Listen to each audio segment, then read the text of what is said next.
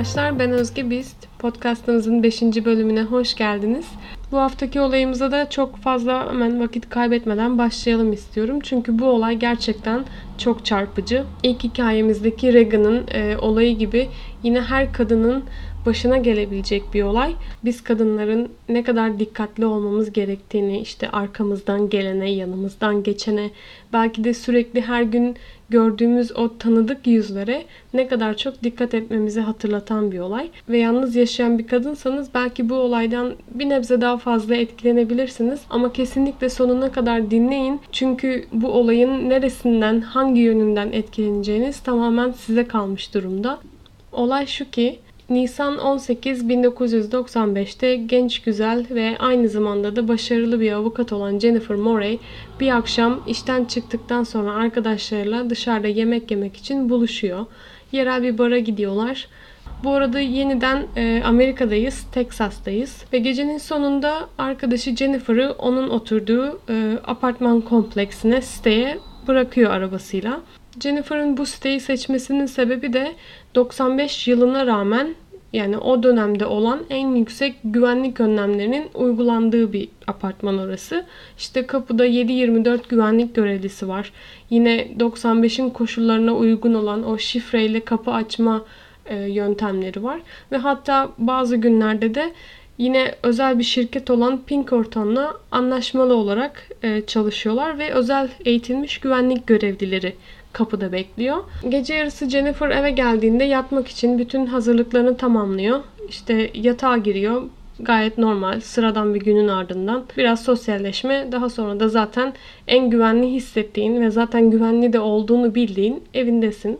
Fakat sabaha karşı Jennifer dörtte birden uyanıyor. Bunun sebebi de öyle duyduğu bir ses ya da bir gök gürültüsü falan değil. Üstünde hissettiği bir ağırlık. Jennifer uyandığında üstünde maskeli bir adam görüyor ve aynı zamanda da boynunda bir soğukluk hissediyor. Fakat biliyorsunuz bu tarz uyanmalarda, ani uyanmalarda bir an nerede olduğunuzu kavrayamazsınız ya da rüya mı görüp yoksa gerçekten uyandığınızın algısına çok kolay varamazsınız.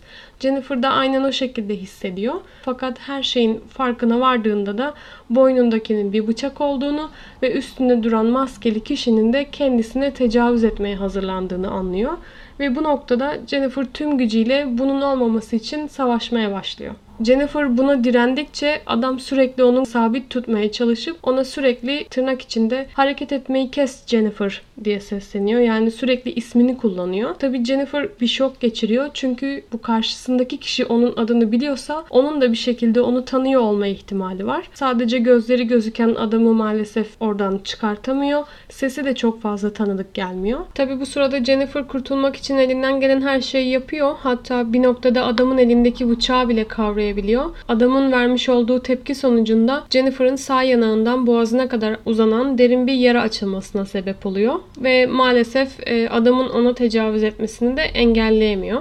Bir süre sonra bütün bu direnmelerinin sonucunda da artık o kan kaybından dolayı çok fazla da savaşamayacak duruma geliyor. Ve o noktada adam Jennifer'ı saçlarından kavrayıp sürüklemeye başlıyor yatağından. Banyoya kapatıyor ve buradan çıkmamasını söylüyor. Jennifer o noktada içeride ayaklarını karşı duvardan güç alacak şekilde kapıya doğru yaslıyor ve adamın tekrar kapıyı açmasına yani eğer geri gelirse engel olmaya çalışıyor. O noktada da zaten banyoda bulduğu ne kadar kirli çamaşır varsa da bir yandan yüz yüzüne bastırarak kan akışını durdurmaya çalışıyor ve içeriden adamın adımlarını takip etmeye başlıyor. E, ne yaptığını anlamaya çalışıyor ve adamın kapattığı fermuarının sesini, ayak seslerini ve kapanan kapının sesini duyuyor. Fakat içeride beklemeye devam ediyor. Çünkü o sırada adam kapıyı içeriden mi kapattı yoksa dışarıdan mı kapattı bunun çok da farkına varamıyor. Bir süre orada bekledikten sonra artık bir noktada adamın içeride olmadığını karar verip e, odadan çıkmaya çalışıyor. Fakat yine elindeki ve her yerdeki kandan dolayı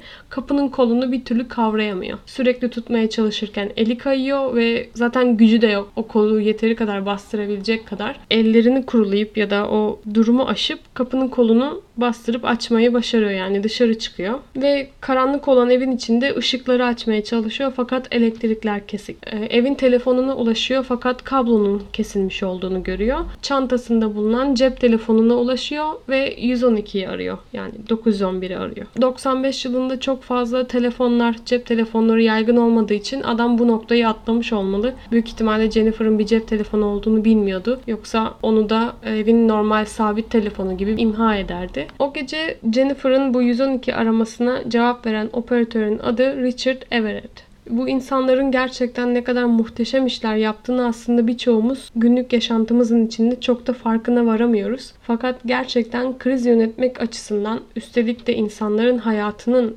dahil olduğu bu krizleri yönetmek ve o anki aciliyetle onların sakinliğini korumasını sağlamak ve bunu çok profesyonelce yapmak hayranlık uyandırıyor. Yine tabii bunu sadece yurt dışında çalışanlar için söylemiyorum. Bizim ülkemiz için de bu işi yapan insanlar için de aynı şey geçerli. Jennifer telefonda Richard'a olan biten her şeyi anlat anlatıyor ve tabii Richard onun sürekli sakinleşmesini sağlamaya çalışıyor ve kan kaybını önlemek açısından da profesyonelce ona yardım etmeye çalışıyor. Polislerin yolda olduğunu, ambulansa haber verildiğini, sakin kalırsa eğer her şeyin yoluna gireceğini söylüyor sürekli.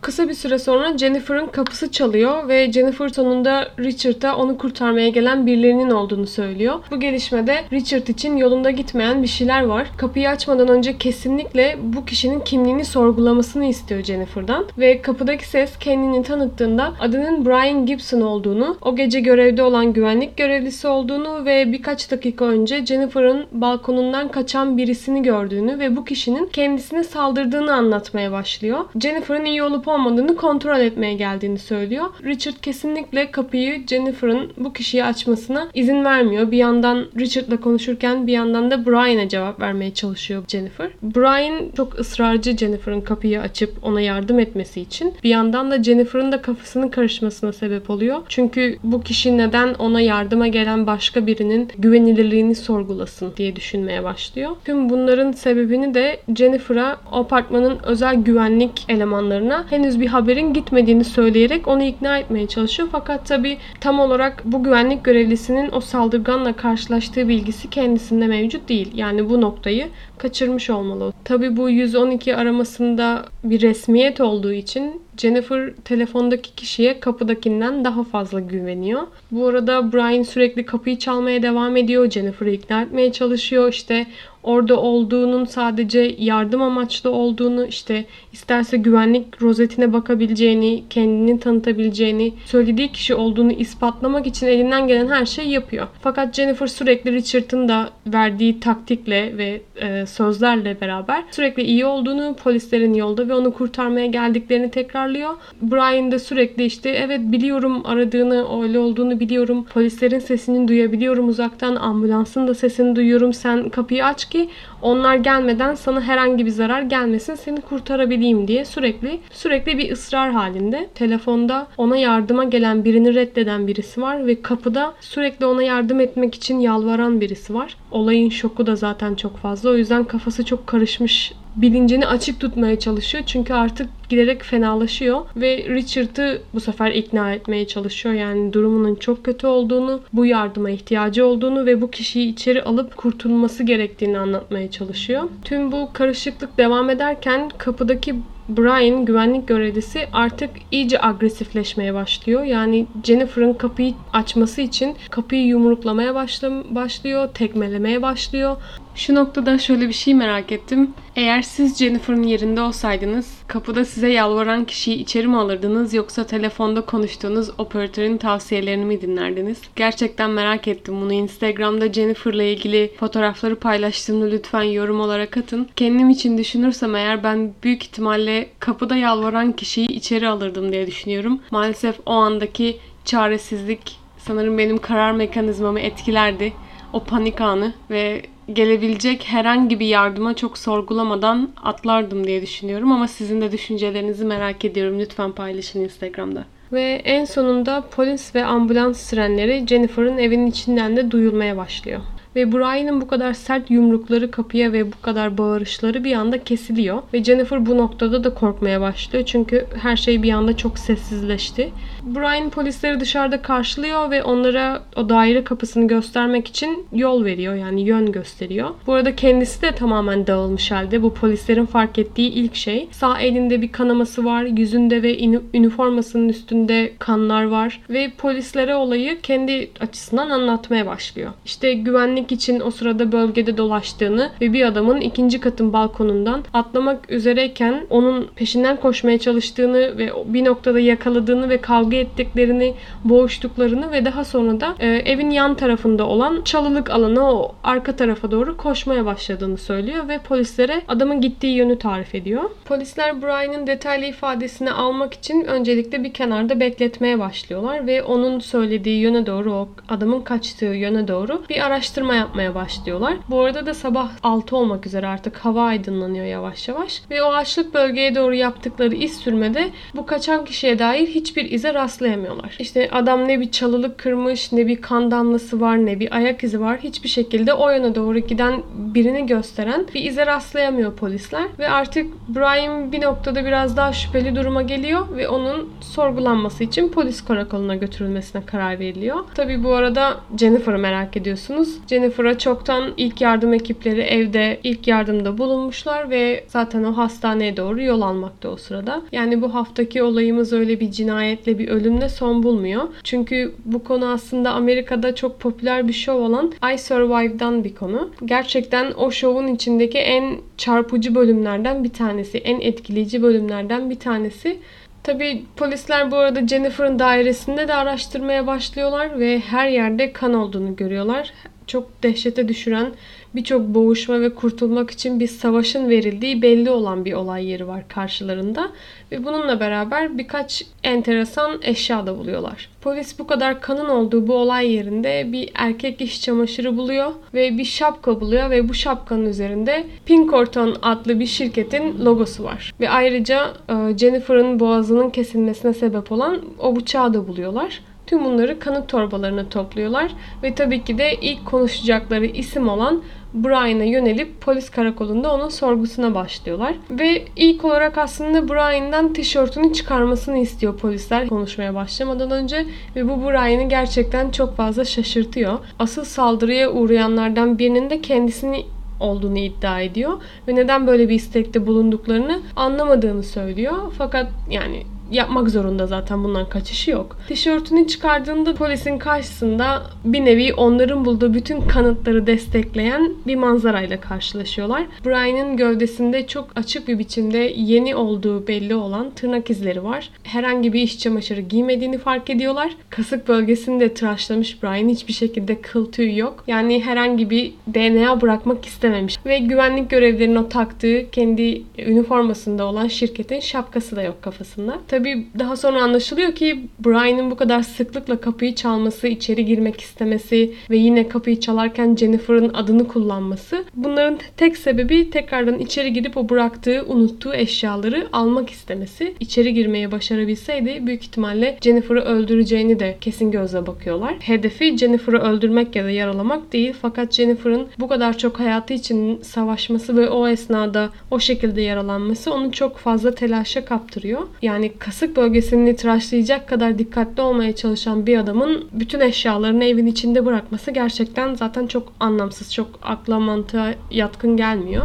Brian içeriye nasıl girdi derseniz ve hatta neden aynı yöntemi kullanarak ikinci seferde içeriye girmediğini sorguluyorsanız eğer biliyorsunuz bu master anahtarlar oluyor. Her kapıyı açan ve işte görevde olan kişilere bunlar veriliyor herhangi bir aciliyet durumlarına karşı. Brian'da da bu tarz bir anahtar var ve zaten birçok eşyasını bıraktığı gibi o anahtarı da orada bırakmış dışarıya çıkarken. O yüzden tekrardan içeriye geri gidememiş. Yani sonuçta bu insanlar bu işlere girmeden önce belirli aşamalardan geçmeleri gerek. Sabıka kayıtları olsun, eğitimleri olsun. Büyük ihtimalle Brian'ın ilk suçu olduğu düşünülüyor. Bir radara yakalanmamış bu açıdan. Fakat daha sonra anlaşılıyor ki aslında bu şirket öyle işini gerçekten gerektiği gibi yapan bir şirket değil. Daha sonralarda çünkü Jennifer şirkete karşı bir dava açıyor ve Brian hakkında onun saldırısından önce de bazı şikayetler olduğunu öğreniyor. Ve hatta sonra yaşanan gelişmelerde de Brian'ın tek e, sorunlu güvenlik görevlisi olmadığı anlaşılıyor. 91'den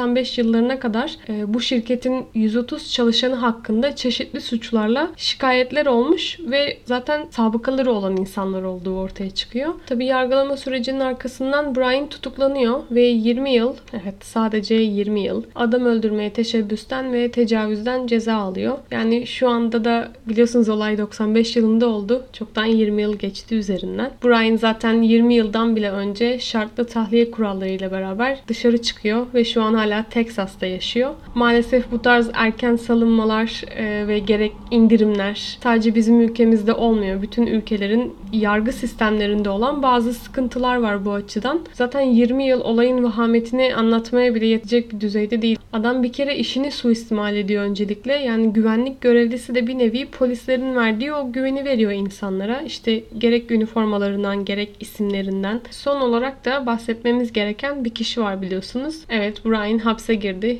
Jennifer kurtuldu. Olayın asıl kahramanını kesinlikle unutamayız. Onun hakkında da birkaç bir şey söylemek istiyorum. 112'deki operatör e, Richard Everett. Ona ne oldu derseniz eğer kendisi Jennifer'la yüz yüze tanışıyorlar Jennifer iyileştikten sonra. Şu an gerçekten hatta yakın arkadaşlar. Hatta Richard e, Jennifer'ın düğününe bile katılmış. O şovda Jennifer kendi hikayesini kendisi anlatıyor bu arada. Ve Richard hakkında söylediği o bütün sözleri duymanız gerek. Ölüme bu kadar yakın olduğunuz bir anda kulağınızdaki sesin sizi kurtarmak için her şeyi yaptığını hissetmeniz aranızda özel bir bağ oluşturuyor galiba. Son olarak Jennifer hakkında da birkaç bir şey söylemek istiyorum. Çünkü bu yaşadığı olay ne kadar e, yakıcı olsa da daha sonra bir toparlanma süreci atlatıyor ve Jennifer bunu çok da ilham verici bir şekilde yapıyor. Tabi terapilerden geçmesi gerekiyor bir süre ve daha sonra e, travma sonrası destek merkezlerinde çalışmaya başlıyor. Bunun üzerine eğitimler alıyor ve okullarda destek konuşmaları yapmaya başlıyor. İnsanlara bu tarz panik anlarında nasıl sakin olmaları gerektiğini, kontrolü nasıl asla elden bırakmamaları gerektiğini anlatan